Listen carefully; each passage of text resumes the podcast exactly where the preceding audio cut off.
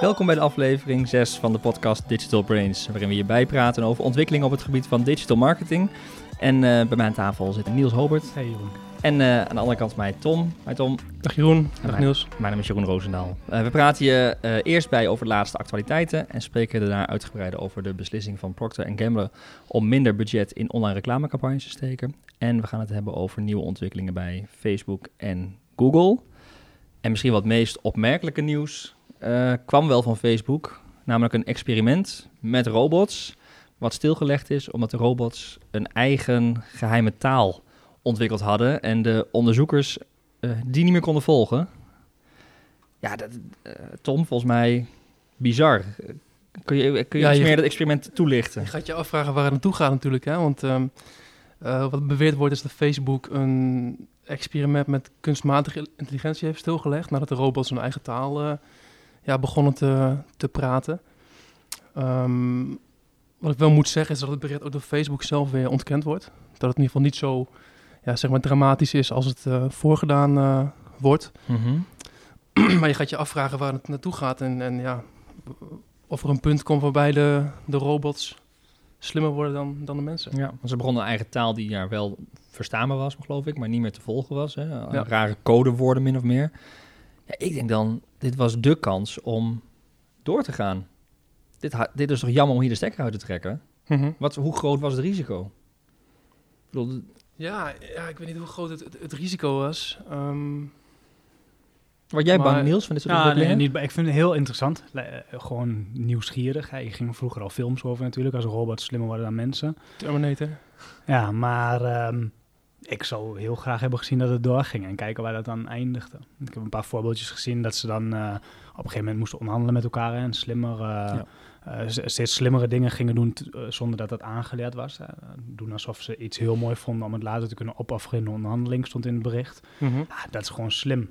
En op een gegeven moment een taal die niet meer door mensen te vatten was, ja, dan ben, zou ik heel benieuwd zijn waar dat eindigt. Mm -hmm. Maar goed, ik snap wel op zich de gevaren ervan en misschien dat een Facebook dan zegt: Ik wil niet verantwoordelijk voor zijn uh, uh, dat wij de eerste zijn uh, die robots hebben gemaakt die daadwerkelijk slimmer zijn dan mensen. Daar word ik echt voor gewaarschuwd hè, door, door kenners, zeg maar, zoals Elon Musk en Stephen Hawking, die ook zeggen: ja. van ja, het is allemaal leuk, maar wat als die robots te slim worden, hè, als ze toegang krijgen tot, tot dingen als, ja, als wapens? Ja, je kunt zo gek maken als je ja. wil, maar ja, hoe, hoe ver moet het gaan? Ja, het is een heel, heel interessante ontwikkeling. Volgens mij ook voor het eerst dat dit zo naar buiten komt, dat er iets ontstaat door inderdaad behoorlijke intelligentie die we zelf gemaakt hebben, maar die zichzelf verder ontwikkelt, ja. wat wij niet meer kunnen volgen als mensen. En, uh, nou ja, persoonlijk vind ik het jammer dat het niet verder gegaan is, maar ik snap dat er misschien wat risico's ja, ja, nou, want, En als je dan over nadenkt, uh, dan, dan, was het altijd zo voor mijn gevoel dat emotie uitgeschakeld is bij, bij robots. Dus dat ze daardoor rationeler kunnen nadenken dan mensen. Mm -hmm. Maar in de voorbeelden die ze hier geven, zit er juist wel een stukje emotie in. En dat maakt het wel uh, eng denk ik. Dan ja. kunnen ze op een gegeven moment hun eigen mening misschien wel gaan vormen en ja, zich echt tegen je gaan keren. Maar ja, goed, ik, nieuwsgierigheid zou het voor mij winnen. Ik, zou dit, uh, ik was zo heel benieuwd zijn waar dit dan eindigt. Zit jij er ook zo in, Tom, of zeg je van dit is wel echt tricky? Ja, kijk, ik, ik snap wel wat, wat ze zeggen. Wat die, um, uh, die, die Elon Musk echt zeggen van, van het, is, het is een leuk experiment, maar het is ook hartstikke gevaarlijk. En, en hoe hou je het onder, onder controle? En, en ja, dat is, de, dat is een belangrijke vraag. Hm. Nou, we gaan het over wat simpelere dingen hebben, uh, ook van Facebook. Het bericht dat de nieuwsfeed van Facebook uh, pagina's, websites met een, die een snelle laadtijd hebben, dat die voorrang krijgen in, uh, in de nieuwsfeed. Ja, Tom, vanuit UX, hè, jouw specialisme, zijn we natuurlijk al heel veel met snelheid bezig. Hè? Dat is een belangrijk -hmm. onderdeel van, van gebruiksgemak. We ja. weten ook dat Google daar de websites op gaat rangschikken, of al op rangschikt, met name op mobiel. maar nu gaat Facebook dus ook de tijdlijn daarop indelen. Mm -hmm. Ja. ja, goed, het is natuurlijk hartstikke belangrijk snelheid. Je ziet al dat, dat um, websites die um, verliezen de helft van hun bezoekers uh, tijdens een laadtijd. Dat is ja. natuurlijk gigantisch. En je ziet ook dat dat een steeds belangrijker onderdeel is van de, van de gebruikservaring. Dus ik snap wel dat uh, snel ladende pagina's beloond worden. Niels? Ja, logisch. En het lijkt een trend. Hè. Je hoort het alleen maar meer. Overal waar het over gaat, uh, gaat het over snelheid en met name mobiel. En mobiel is meer dan desktop nu, dus...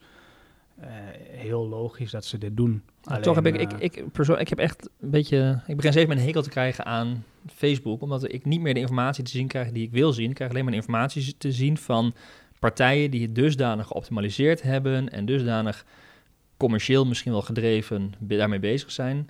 eh linkbase willen of eh, hè, vanwege de interacties, ze Mhm. willen snel zijn. En, maar ik, ik, Facebook voegt voor mij niks meer Het is toe voor mij een van de redenen dat ik ben gestopt met Facebook. Omdat ik in de gaten kreeg dat ik heel veel eh, leuke titels zag. Dat ik dacht van, dat wil ik lezen. En het dan las. Dat ik dacht van, ja, jeetje, is het alles? Het is teleurstelling op Ja, teleurstelling. teleurstellingen. Dus ze zijn heel slim natuurlijk. In, en daar hebben wij, daar zijn we mede, mede schuldig aan, denk ik. Mhm. Maar in het bedenken van goede titels Maar- waar mensen op klikken. Hoe zouden ze dat moeten doen? Nou, ik denk dat het vooral zit in kwaliteit. Dus ik vind het prima als je een bepaalde titel eh, geeft die mij triggert om te gaan lezen. Maar de teleurstelling zit hem in het lezen van het artikel zelf. Dat ik denk van ja, weet je, als dit alles dus is. je eigenlijk net als Google een soort bounce moeten gaan meten.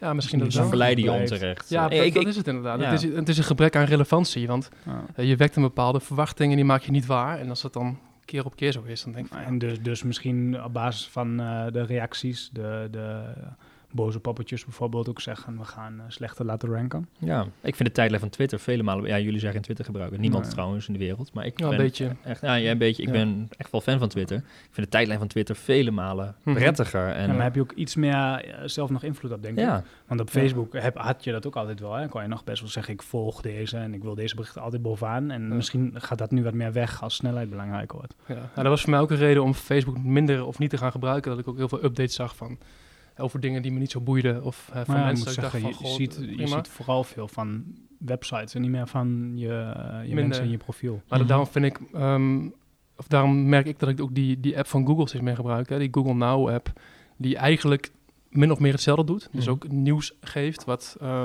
voor mij mogelijk relevant is. Waarbij ik merk van dat dat wel het nieuws is wat ik, wat ik wil lezen. ja, en dat eh, heb je, bij Facebook haal je dat gewoon Minder, niet. te Ja. weinig. Ja. Nou, vanuit de gebruiker denk ik dat we volgens mij allemaal eens zijn dat dit een logische stap is. Hè. De, de gebruiksgemak, nou, je wil ergens op klikken, dan moet de pagina snel zijn. Maar het wordt wel steeds discutabeler hoe dat algoritme nog van toegevoegd Ja, en is. misschien versterkt het wel wat Tom net aangaf. Dat je eh, die titels krijgt en eh, je laat snel, dus je ziet ook snel ben ik het hiermee eens of niet.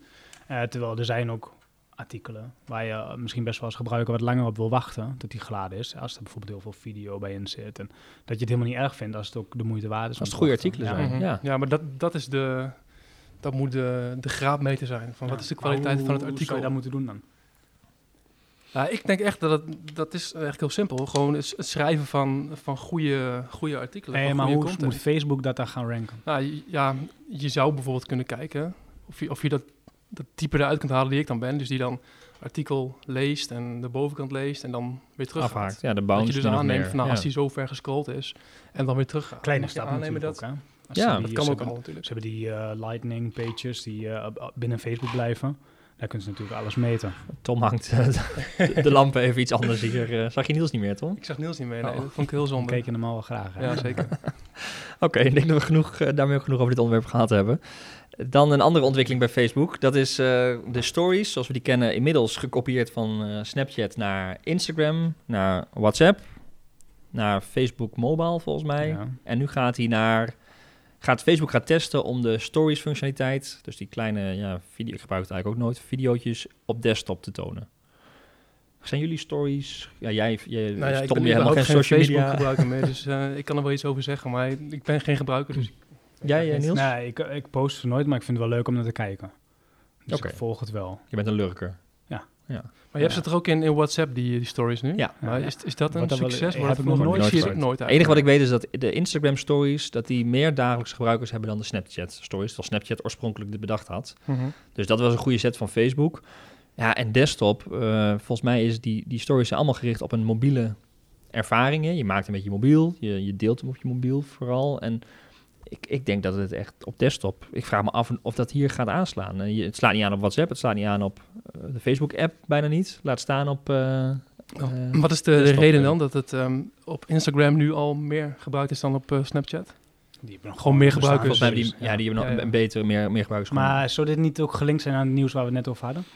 Dat eh zo meteen Facebook misschien inderdaad wel een nieuwsportaal is. En dat je eh, daar steeds minder updates van de mensen Vrienden in je krijgt. kring eh, krijgt. En en dat alleen via stories. makkelijker via stories gaat. Want stories, wat, wat het voor mij is, is gewoon snelle content. Je kijkt snel een paar plaatjes en je tikt door. Net als Snapchat. Dat is, En dan is het ook klaar, zeg maar. Ja, nou, ik, ik had voor mezelf, dit is volgens mij de volgende flop van Facebook. Want eerlijk gezegd, de stappen die ze zetten zijn niet zo erg goed. Maar die- nu jij dit zegt, het kan ook een strategische keuze zijn. Ja. Meer nieuws in de tijdlijn, meer websites in de tijdlijn. En de fun, entertainment met mensen onderling doe je in de stories. Ja, en dus daarmee eigenlijk een beetje meer de kant van Twitter op gaan. Ja, misschien. Wel, Twitter natuurlijk geen stories heeft, maar wel de Nee, tijdlijn de, meer. De, dat- tijdlijn dat- wat meer nieuws in Mhm. plaats van eh, persoonlijk. Ja, ook om dat onderscheid te krijgen, denk ik, tussen Instagram, Snapchat eh, en Facebook. Die, die gaan heel erg op elkaar lijken. Dus misschien dat Facebook een andere koers gaat varen. Ik weet het niet. Ik eh, heb er mijn twijfels bij. We zullen het blijven volgen. Dan volgens mij laatste update van het Facebook. En dat is dat ze met een wereldwijd... eh, wereldwijd komen ze met advertenties in Messenger. Dat is de chat-functionaliteit van Facebook. Ook allerlei opties met chatbots kunnen we hè, binnen, binnen de, de Messenger-app. Maar nu kunnen ze ook gaan adverteren. En ehm, Facebook gaf zelf aan dat de test die ze gedraaid hebben veelbelovend leek. Ik vermoed alleen op basis van commerciële doelstellingen. eh, Zeker Grote ja. kans. daar is dat om gaan. Maar ze, nou ja, ze gaan het langzaamaan uitrollen. Het is niet bekend wanneer het in Nederland gaat komen. En de advertenties verschijnen dan in het startmenu van de app op de telefoon. En het gaat op gerichte advertenties uiteraard van jou op basis van jouw profiel.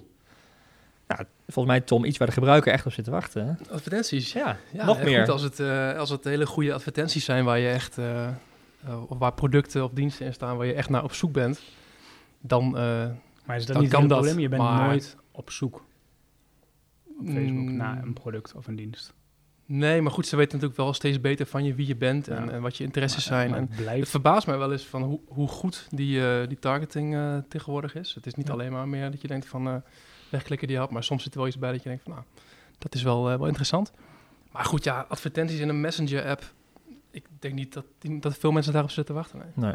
Nee. Ah, nee, ja, helemaal mee eens. Maar, en dat is, ze hebben het met WhatsApp ook wel eens erover gehad, hè, om dat eh, in WhatsApp advertenties te doen. Of in ieder geval op basis van de inhoud van WhatsApp. Google heeft zelf nu laatst gezegd dat ze zijn gestopt met eh, Gmail scannen om advertenties op te baseren. Ja. En Facebook gaat het tegenovergestelde eigenlijk nu doen, vind ik. Met privé inhoud, eh, advertenties erbij plaatsen. Dus als je het net over een flop had, dan vind ik dat dit ook. Maar toch, wij zijn marketeers, Niels. We zitten bij, veel bij klanten aan tafel. En die, ja, die, die, die vinden dit natuurlijk eh, wel... Je kunt relevant zijn op het moment dat mensen... Het startscherm, dus waarschijnlijk zitten mensen even te wachten. De advertentie tonen. Ja, Tom zegt terecht, het is niet in het belang van de gebruikers. Het is weer eens frustrerend. Moet je daar dan als merk... Maar wa- wat vind jij bijvoorbeeld dan van ehm, de, de Gmail sponsored promotions? Ja, op, vind ik een mooi medium. Omdat je namelijk op afzender van een nieuwsbrief... of op onderwerpen eh, waar je geïnteresseerd bent... advertenties kunt tonen. Alleen die zijn veel, ja, zijn veel duidelijker... en die belemmeren je niet in je primaire proces. In dit geval krijg je eerst een advertentie eh, vol in je gezicht... en dan pas kun je verder. Ja. Ja, Zou je klant adviseren om het te doen? Nou vraag je me dat als marketeer. Eh, ja. ja, nee, goed. Ja, als, de, als je goed kunt targeten en de, de profielen kunnen kloppen en, kan, en je verkoopt bijvoorbeeld iets snels of je, hebt, je kunt makkelijk een lead aanvragen doen, net als de lead ads op Facebook. Ja. Dat, is, ja, dat, is wel, dat werkt heel goed. Maar dan zeg je eigenlijk, als je maar relevant Ja, bent. maar dat is altijd zo, denk maar ik. wil je Maar- een voorbeeld? Nee, maar als- marketeer is dat natuurlijk Oh. heel mooi. En dan kun je heel snel een lead aanvraag eh, bij iemand in zijn privéomgeving doen. En, maar ik vind persoonlijk de stap van eh, nou, op Google kun je adverteren en eh daar vragen mensen echt iets. En dan kun je iets verder vanaf, dan ga je echt informatie pushen. Dus dan weet je niet zeker dat iemand erom vraagt, Mhm. maar op basis van het profiel wel. Eh, dat doe je dan op Google of op Facebook of op andere websites. En de stap nu naar adverteren in een echt persoonlijk één op één communicatiekanaal vind ik dan al één stap verder. En ehm, als je mij dat als persoon vraagt, zou ik zeggen nee. Als marketeer, ja. Ja, nou, o- misschien als marketeer, eh, denk er als merk goed over na. Wil je daarmee geassocieerd worden en is je boodschap, eh, voegt die voldoende toe om daar te staan? Of kun je ook nadenken over alternatieven die wat minder eh, confronterend zijn? Ja, maar dus... Het dan- kan ook merkschade opleveren. Ja, nee, ja, zeker weten. En dat hoor je ook wel eens, net als retargeting, hoor je het ook wel eens over, toch? Zie je Tom, marketeers kunnen ook goede afwegingen maken. Ja, ik hoor het ja. Ik ben, Ja, ik ben niet helemaal stil van. Ja. Ja, nee, maar we hebben het, we hebben het heel vaak over goede targeting en over goede doelgroepselecties en eh, remarketing. En iedereen die op die pagina van die website is geweest of dat product heeft bekeken, ja, die zal wel interesse hebben in dat product. Ja. En dan wil je hem op zoveel mogelijk plekken bereiken, want die persoon zit heel dicht bij de koop of bij de lead. En in die zin zou ik als marketeer zeggen, ja, tuurlijk, dan wil je Ja. daar ook hoor je een daar ook staan. advertentie eh, Hmm. tonen. Ja. Maar ik denk in de praktijk gaat ook de plank heel vaak misgeslagen worden, omdat dat, ja, omdat het als gro- gros hè, wordt en masse gedaan. En heel veel mensen worden bereikt met heel veel verschillende boodschappen die er niet op zitten te wachten. En dan is het snel irritant. Tevreden? Ja, Eens, ben- ik denk ook wel dat het is wat... We doen natuurlijk in de, in de praktijk best wel andere dingen. Ik ben veel met UX bezig, jullie meer op marketing. Maar wat alles verbindt, is dat de relevantie, wat Niels ook terecht zegt. En, en Ja. ik denk, als, als dat in orde is, dan, dan kan het zelfs in, op een medium als Messenger, zou het best wel kunnen werken. Maar ik denk niet dat het de beste plek is om, om te gaan adverteren. Nee, maar de ja, en ik ben dan heel benieuwd, gaan ze dan ook op basis van de inhoud van de gesprekken eh, eh, jou een boodschap tonen? En, want jij kwam volgens mij met het voorbeeld, Tom, dat jij, eh, of nee, iemand anders was nee, dat was ik wel. die- voetbaltrainer. dat spel, dat, dat voetbalmanagerspel. Ja, dus als je Op- daarover nadenkt. Ja, maar leg nog eens uit. Op WhatsApp was je aan het appen Ja, ik over... wil een- even denken. We hadden het in, een dat, in, trainer? in WhatsApp over... eh, Je mist met onze voetbalteam app. Ah, ik heb wel een ander voorbeeld, manager. Ja. Die eh, was een, een jongen die zei dat die kreeg, eh, die had eh geappt met een vriend van hem, eh, zullen we spare ribs eten vanavond? En op Facebook zag hij direct daarna van thuisbezorgd volgens mij een advertentie voor een spare rib zaak bij hem in de buurt. Ah, dat is geen toeval. Nee. En, maar dat, dat is wel het onderwerp waar ik als marketeer ook van denk, ja, dat kan wel kloppen, hè, want dat is super relevant. Ja, en en- persoon is behoefte en dat is ook eenmalig. Maar dat is Mhm. iets anders dan dat je bijvoorbeeld een eh, brochure aanvraagt voor een nieuwe keuken. Ja. Ja, kan ook wel werken, maar dat ligt alweer iets verder weg. Of je vriendin app zullen een zwangerschapstest doen en vervolgens komen alle babyproducten op je tijdlijn Ja. voorbij. Dat wordt wel een beetje tricky. Ja. Ja, oké. dus je moet als merk gewoon goed over nadenken. Hey, we gaan naar, eh, naar Google. Daar zijn ook ontwikkelingen. Over relevantie gesproken trouwens, Tom. Eh, Google Glass 2 is Mhm, uit. mhm. Eh, eh, en ze hebben, volgens mij, ze denken een relevantere doelgroep gevonden te hebben. Ja, ik heb er ook iets over gelezen. En ik, ik, ehm, het is wel in lijn met hoe ik denk over innovaties. Van, er kunnen heel veel dingen tegenwoordig. Maar de vraag die ik vaak stel is van... eh, hoe gaan we het toepassen en welk probleem los je ermee op? Ja, want voor mensen die het helemaal niet kennen, eh, het is eerder gelanceerd. Een bril waardoor je, waarmee je foto's kunt maken, opnames kunt maken, het weer kunt zien, eigenlijk een schermpje voor je ogen. Mhm. in de vorm van een bril. Je ziet niet precies wanneer je opgenomen wordt. Nee. Toen in het publieke debat heel veel discussie van ja, privacy. En nu heeft Google daar een andere draai aan gegeven. Mhm, ja, en ik, ik heb dus een artikel gelezen daarover dat, het, eh, dat, dat die glas gebruikt werd door iemand in een, in een fabriek die eh, daarmee zijn werk beter kon doen. En dan denk ik van ja, weet je, nu, nu gebruik je het op een, op een zinnige manier waarmee je ja, het leven van mensen beter, makkelijker maakt. Ja. En dan geloof ik wel dat zo'n innovatie eh, ja, wat kan doen. Ja, ze gaan, ze gaan zich nu richten op de zakelijke doelgroep en vooral de functionele toepassing Ja. van die bril. Je bent bezig, je, een, chirurg kan met zo'n bril op eh, in zijn ooghoek bij wijze van spreken informatie over de snijranden binnenkrijgen. eh, Ja. Bijvoorbeeld, daar, daar gaan ze nu mee bezig. Precies. Ja. Ik denk dan, Google heeft dit van tevoren bedacht. Google had dit Die flop? Die een flop is een, is een test geweest, want voor hetzelfde geld zat de massa, stond de massa er wel voor open. En hadden ze miljoenen, miljarden business binnengehaald met die bril. Dus dat was gewoon testen van, hey, is de doelgroep, wij zijn al zover, Ja, is de ja. doelgroep al zover? Nee. Nou, dan hebben we het alternatief, plan B, die is een veel kleinere markt en dat is de, de zakelijke Ja, gebruiker. het is toen ook wel qua aandacht wel geslaagd, want het is Ja. volgens mij mega hype geweest. ja. Alleen je zag in de praktijk niemand ermee lopen. Dus toen is het er een beetje weggeëpt. En nu zie je dat, dat het terugkomt met hele concrete toepassingen. Dus ja, ik weet niet of het vooropgezet is, maar het zou zomaar kunnen. Ja, nou ja, ja ik, ik, ik snap wel wat in die privacy-discussie. eh, Ah, dat is als- toch onzin. Ik vind, ik Ja, vind, is- echt, ik vind die angst, ik, ik, ik snap het echt niet. We hebben, Ja, ik zou er persoonlijk niet per se heel bang voor zijn, maar ik snap wel dat mensen dat wel hebben. Want als iedereen straks, of eh, stel één op de drie mensen heeft in de stad zo'n ding op, dan doe je niks meer zonder dat iemand het weet.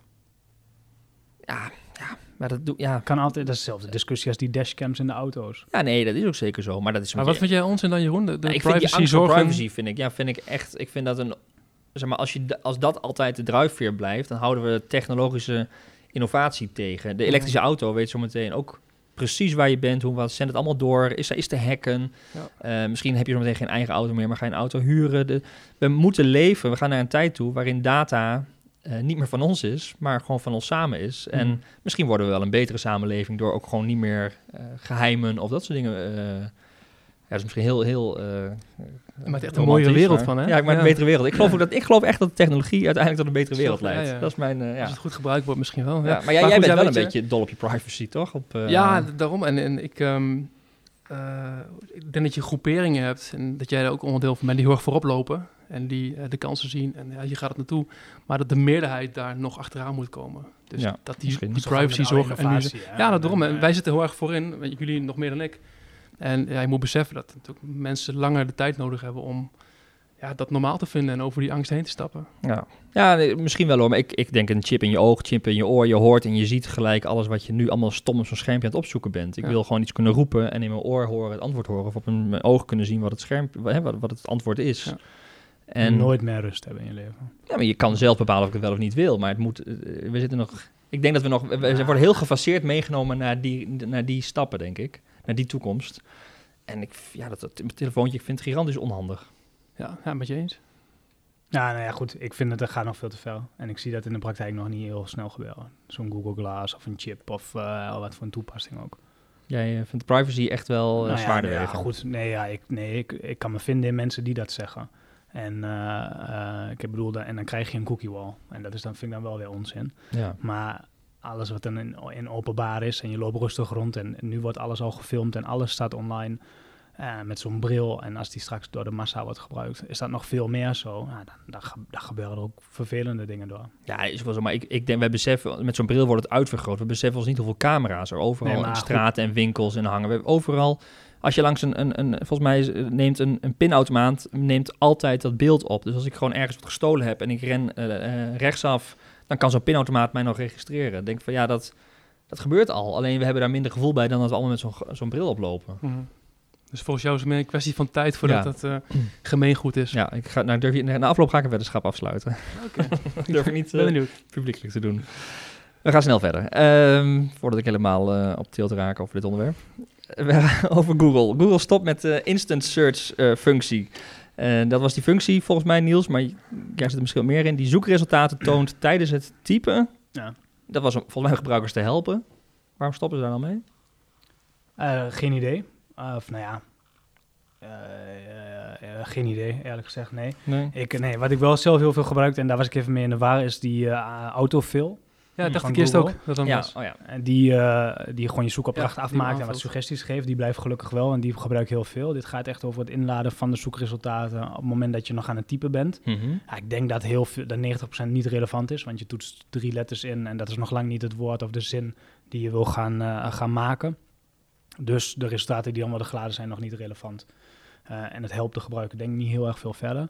Eh, en daarbij zie ik, het, zie ik een trend dat er steeds meer wordt gezocht naar veel langere zoekopdrachten. En er steeds meer vragen worden gesteld aan Google. En ehm, ik denk dat je dat gewoon niet kunt afvangen door de resultaten al in te laden. Mhm. Ja, plus eh, wat je ziet, dat zien wij heel mooi met, eh, met eye tracking in ons eh user test lab, is dat als iemand aan het zoeken is, is hij ook echt gefocust op zijn zoekwoorden. Ja. En nog niet zo bezig met wat daaronder allemaal gebeurt. Ja, er zijn mensen die dat wel doen.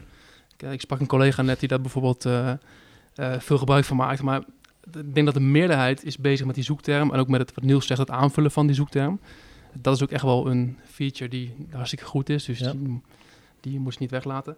Maar dat, het, ehm, dat de resultaten gelijk ja, dynamisch mee veranderen. Ik denk dat je daar prima zonder kunt. Ja, Niels, ik even te kijken. Google zegt eh, dat ze het doen om de zoekervaring sneller en op zoveel mogelijk schermformaten en soortapparaten mogelijk te maken. Dus ze zijn daardoor maken ze zichzelf flexibeler.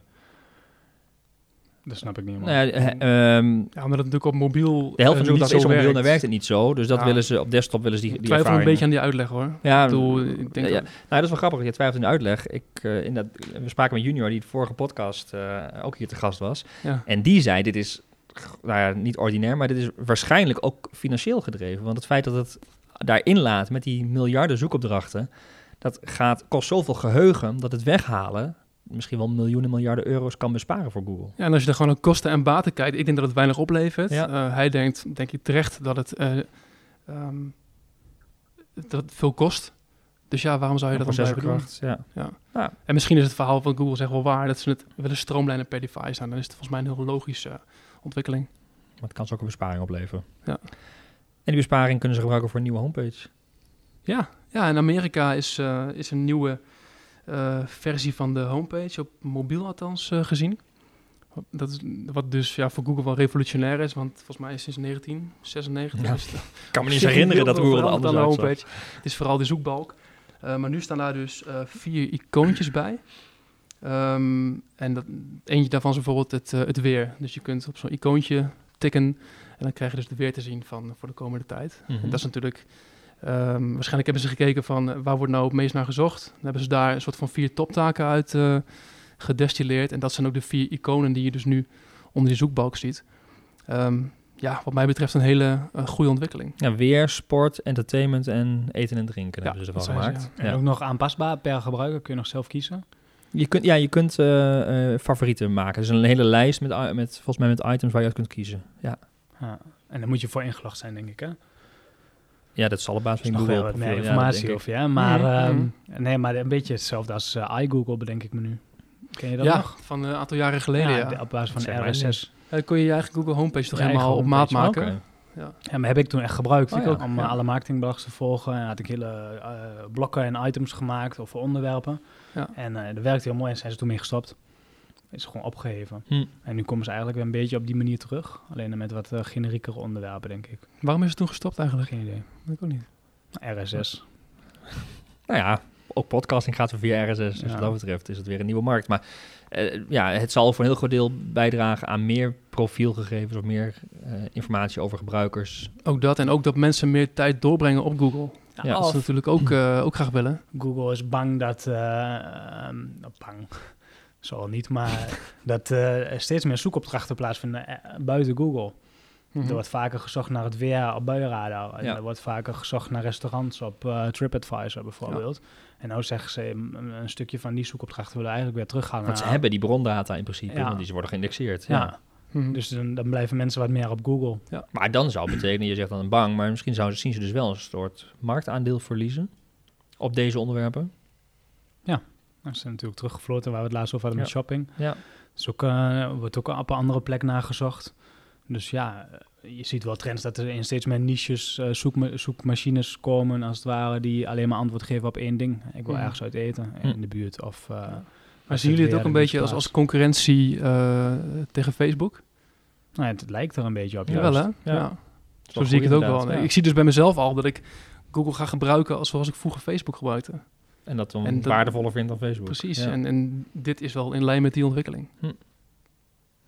ja interessant.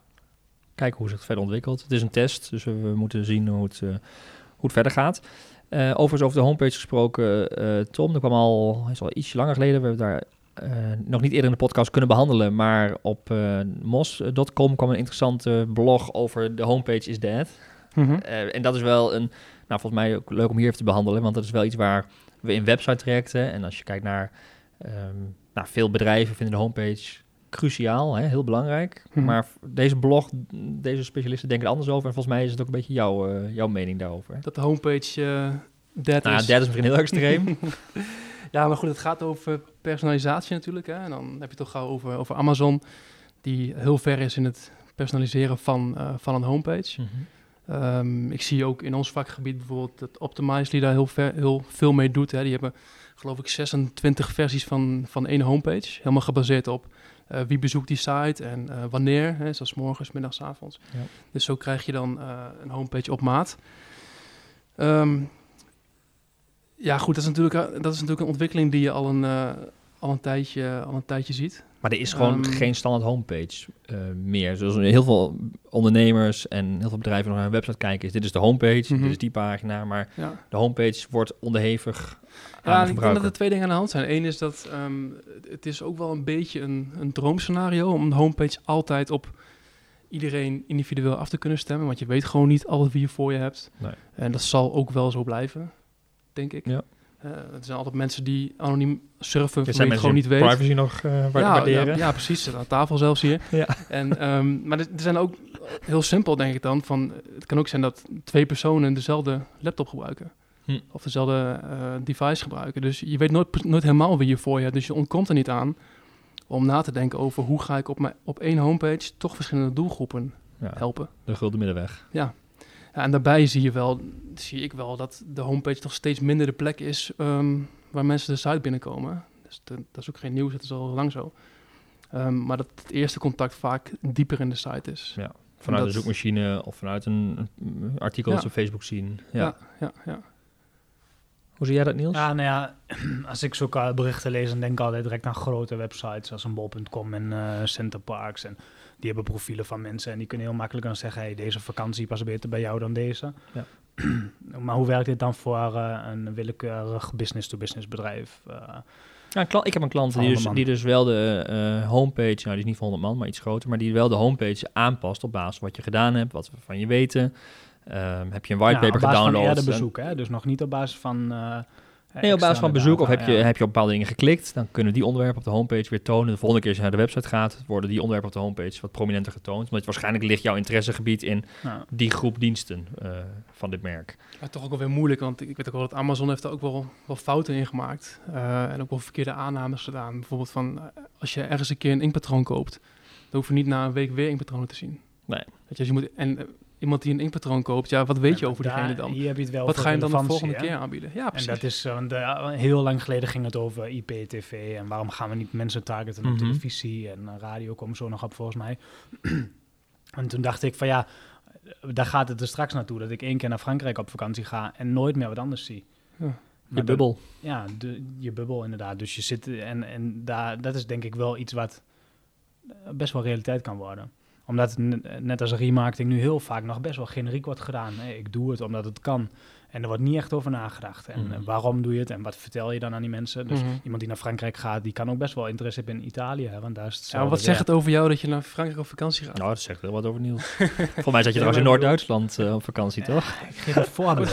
ja.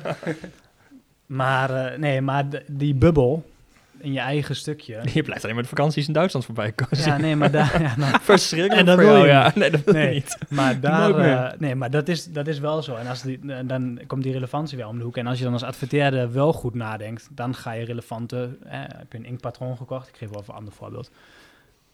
Dan eh, weet je ongeveer wat de levensduur daarvan is misschien. En dan ga je pas dan weer zeggen: nee, wil je nog een inkpatroon of eh, een Ja. efficiëntere printer eh, laten zien? Ja. Dan klopt het. Papier. Maar wat je ja. in de praktijk heel vaak ziet, en wat ik dus ook bang ben gro- als dat op grotere schaal gebeurt, ook zo'n homepage personalisatie, is dat je de plank gaat misslaan. Ja. Als marketeer ben ik daar bang voor en als consument. Ja. Dat je gewoon echt moeite moet doen om een keer wat anders te gaan doen dan dat je hebt gedaan. Je gaat bewust iets anders klikken om te hopen Ja. dat die homepage weer een beetje terug gaat. Je, ja, je, kunt niks meer, nou ja, je kunt niks meer terugvinden. Dat is, Nee. dat is het andere. Ik zat laatst bij, Ja, eh, dat ook, ja. ja, bij, bij eh, Coolblue naar, voor de grap even naar wasmachines te kijken. Voor de grap. Ik, ja, voor een klant van mij. En ik kon dus niet meer... eh, eh, ik, ik kon dus niet meer gewoon terugkomen op de oorspronkelijke homepage van Mhm. Coolblue. Maar was wel leuk. Dat was wel leuk, Ja. ja. Nee, ik vind het wel mooi. Ze maakten wel een mooie eh, inhaken daarop. Dus het- is wel heel relevant, maar inderdaad, op een gegeven moment weet je niet meer, heb je ergens iets Nee. gezien en weet je niet meer waar ik had het eh, vandaag nog dat ik een, eh, met onze designer dan zijn nieuwe design besprak. En ik zei van, goh, je kan mooi een effectje gebruiken zoals we daar ook hebben gezien. Dus ik die site opzoeken.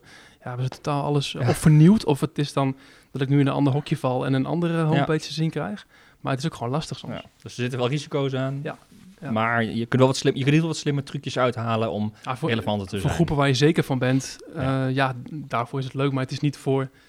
Het is geen 100% oplossing, zeg Nee. maar. Je noemde net al even, eh, Niels, eh, Nederlandse radio krijgt programmatic audio buying.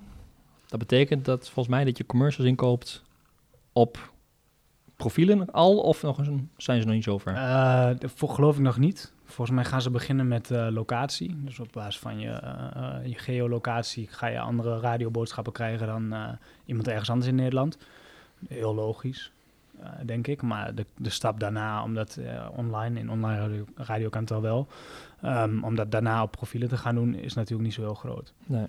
En dan krijg je natuurlijk wel snel dat verhaal waar ik, net over, waar ik het net over had. Dat je best wel snel op basis van profielen eigenlijk alleen maar dezelfde reclames meer gaat kijken. Of dat je alleen maar op je radio reclames meer hoort van websites die je hebt bezocht. Mhm. Eh, en als je dat niet goed doet, ook al klaar mee bent. Ja, dus dan Dus, gaat het eh, weer juist heel erg fr- gefrustreerd werken. Ja. Maar Maar als marketeer vind ik het wel heel gaaf. ja, Want eh, al, voor mijn gevoel in ieder geval is alle content gaat zo snel over zoveel kanalen, op alle socials, op al, in alle apps, op Google, noem maar op.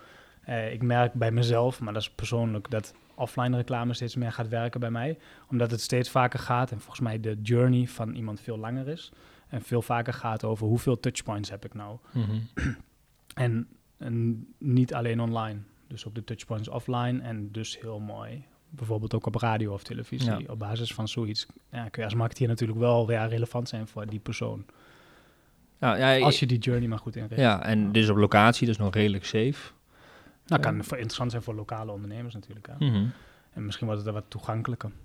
Ja, ik weet dat de televisie is het ook een tijd lang, ik weet niet of het nu nog meer gebeurt, maar op televisie kon je ook een tijd lang op regio, was er gewoon een, een blok commercials en afhankelijk van je regio werd daar eh, ja, een set aan commercials ingedrukt voor jouw regio, die ingekocht werden door een wat lokalere ondernemers. Mhm. Ik vind het nog niet echt programmatic eh, buying wat dat betreft. Er zou voor mij meer in moeten zitten, maar ik denk wel dat het daar naartoe gaat. Ja, Ja, ze gaan aansluiten, las ik in het bericht op uh, DoubleClick en AppNexus. ja, dus dan kun je met veel meer data eh, gaan, eh, gaan targeten en, en dus de boodschap daarbij aanpassen. En profielen maken. ja, op basis van die profielen. Ja. Heb je wel ervaring met deze manieren van eh, adverteren? Werkt het goed of is, het nog te, te nieuw daarvoor? Volgens mij is het voor ons nog te nieuw. We hebben wel, kijk, als je kijkt naar Spotify, doe je Ja. natuurlijk Ja, ook wel een beetje. radio ook wel. online radio doen we ook wel. Mhm. Dus je ziet wel dat je dan heel specifiek kunt targeten en heel relevant, relevant kunt zijn weer. Ja, wel nog op basis van doelgroepen en profielen, nog niet op basis van retargeting, wat ik wel heel, wat een Ja. kleine stap is voor mijn gevoel. Ja. Maar, ehm, sorry, daar, daar zie je op zich wel hele goede resultaten in. Eh, eigenlijk weer een beetje hetzelfde als waar we net met Facebook Messenger over hadden. De, de onderwerpen moeten dan ook wel matchen. Mhm. Mhm. Moet kunnen met de onderwerpen, Ja, moet relevant zijn. Eh, ja. En logisch zijn. Dan kun je ook goed overzicht houden dan met deze vorm van adverteren. Want je, je lijkt helemaal overgeleverd aan algoritmes die dan continu eh, eigenlijk dingen voor je bepalen. Maar hoe Leuk, weet want je nou het is dat- ook wel een beetje de discussie met eh, überhaupt programmatic buying, eh, ook voor advertenties. Ja. Ja, je geeft wel heel veel weg. Nou, je geeft Ja, iets wel. over aan een, aan een systeem. We hebben net Ja. over robots zijn we mee begonnen. Hè? Ja. Die, die denken het beter te weten dan jij. Ja. Die gaan bepalen voor jou en voor jouw klanten waar, waar ze zijn. Ehm, en je moet maar de rapportages, ja, je kunt er redelijk bijsturen, maar de rapportage achteraf afwachten waar je ongeveer Maar het is te beluisteren bent Eigenlijk geweest. precies met eh, waar we de vorige podcast ook over hadden, machine learning en automatiseren was nog de rol van een eh, Google AdWords specialist bijvoorbeeld. Als Google al beter weet dan eh, jij wanneer iemand een koopintentie heeft. Ja. Ik geloof dat dat zo is. Ik denk dat Google dat ook beter kan. Dus komt er nog meer op neer dat je relevant moet zijn en dat je de juiste dingen moet vertellen.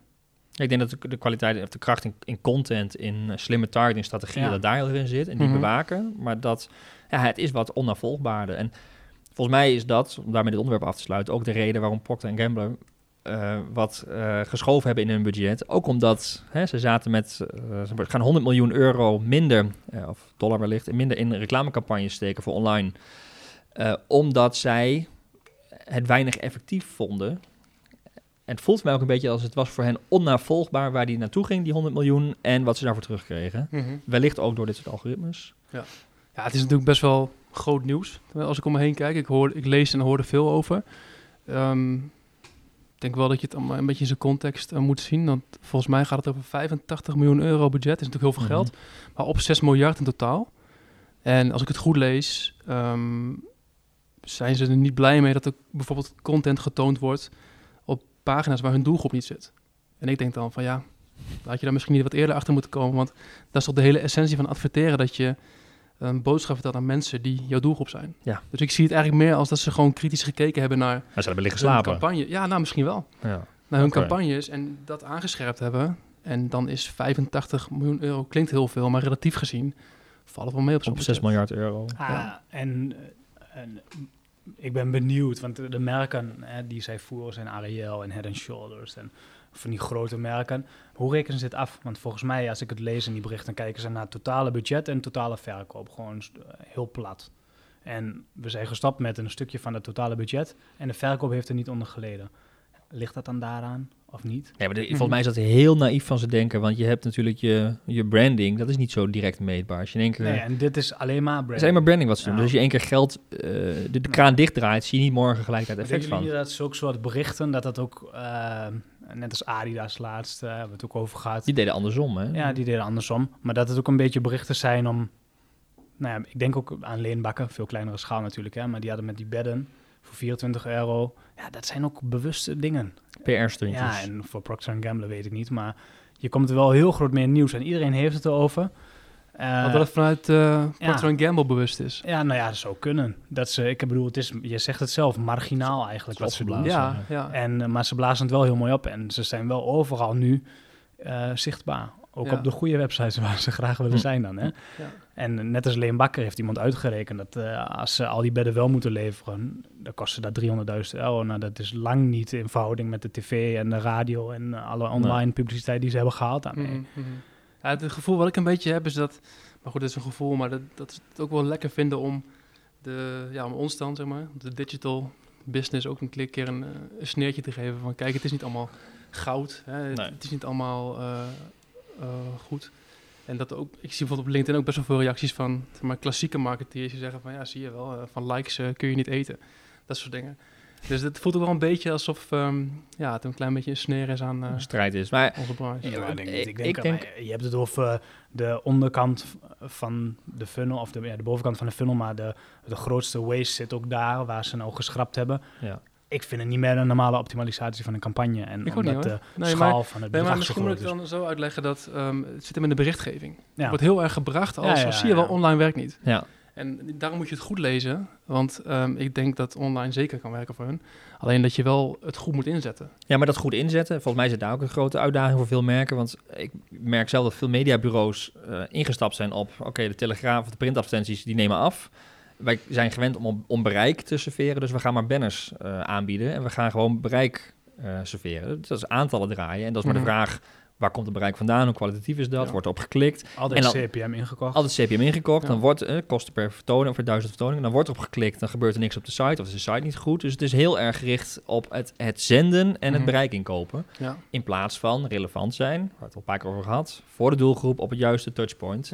En ik denk dat, ja, inderdaad, het is een normale optimalisatie en het verbaast me ook een beetje dat dat Maar je had ziet je wel een, gelijk eh, moeten, had je, dit, Ja, dat, dit had niet dat, eens dat denk nieuws ik dan ook zijn. inderdaad. Maar, Nee. je, maar je ziet wel een trend dat eh, alle campagnes nu die wat dichter bij de koop zitten, eh, CPA worden afgerekend, hè, kosten per acquisitie. Dus Mhm. eh, je kosten per sale, noem maar op. Dus je, echt de conversie. Ja. En alles wat daarvoor zit, is een stukje vager. En als je daar alleen maar naar gaat kijken, ja, dan moet je alle displaycampagnes gaan schrappen. Ja. Daar Mhm. komen geen conversies uit. Dan moet je heel veel remarketingcampagnes gaan schrappen, want daar komen er ook niet, niet uit. direct, maar misschien Niet wel indirect. Geen enkele videocampagne zou dan werken. Dus Ja. er zit wel heel veel nuance. Maar zou je dan volgens jou ook over langere tijd moeten kijken om eh, dit bericht nog Nou, te kunnen beoordelen? Ik denk dat heel veel mensen, bureaus, eh, adverteerders, marketeers het gewoon moeilijk vinden om inzichtelijk te krijgen wat de bijdrage is, eh, die conversieattributie Ja.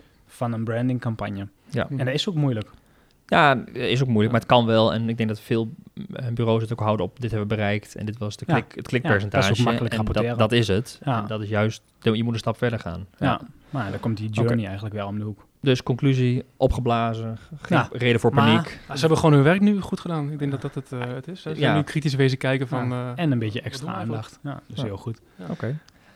Je nog wat zeggen, Niels? Of niet? Nou, nee, ja, nee, ja, goed. We zijn eigenlijk al door de tijd heen. Maar... Oké, sorry. Maar in, in, in het voorbeeld gaan ze heel erg over die link farms en die eh, websites waar dan alleen maar chatrobots of Ja. ach, chatrobots zeg ik, alleen maar robots op komen. En ik denk dat dat ook wel een grote groep is en dat dat een beetje inherent is aan wat je net schetste, bereik inkopen. Dan is het ook heel makkelijk om websites die cijfertjes een beetje op te krikken, zodat het lijkt dat heel veel bereik is. En dan koop je lucht. Ja, En kwalitatief ik bereik denk dat dat hebben. wel de laatste jaren veel en veel meer is geworden. Dus Aan de dat andere kant- moet zijn. Tenminste, ik weet niet of het nog mag, eh, Jeroen. Maar Ja, we knippen het er wel uit. Oké. Maar, maar vertel rustig nog maar eventjes wat je ervan dat vindt. doe je altijd, hè? nee, maar wij zien ook wel... Wij werken heel veel samen, Niels, in, in optimalisatietrajecten. En dan zien we ook wel, als wij ehm, doelgroep, nieuwe doelgroepen aantrekken... heb je meer bezoekers, maar dan is de kans ook groot... dat je conversiepercentage enorme daling krijgt. Ja. Dus dan ook wel omdat je dan bezoekers aangetrokken hebt... die niet, die niet eh, direct converteren. Maar goed, is het dan slecht? Of is dat dan goed? Of gaan ze Ja. op termijn converteren? Dat kun je toch niet precies zeggen. Goed, dank jullie wel. Leuk dat je weer geluisterd hebt naar deze podcast. Hij is iets langer geworden volgens mij dan de bedoeling was. Maar eh, dank wel voor jullie eh, input daarvoor. Ehm, we hebben ook regelmatig in deze podcast verwezen naar eerdere podcasts. Nou, mocht dit de eerste podcast zijn die je luistert van ons, dan eh, adviseren wij je natuurlijk zeker om eh, de voorgaande afleveringen ook eh, te luisteren. En wil je op de hoogte blijven van nieuwe afleveringen, dan kun je je ehm, abonneren op de podcast via SoundCloud of via je podcast-app. Ehm, en reacties en tips op de podcast, die zijn altijd van harte welkom. Kun je doorgeven via e-mail podcast.adwise.nl Junior, bedankt voor de techniek vanavond. Niels en Tom, ook bedankt. En eh, heel graag tot de volgende podcast.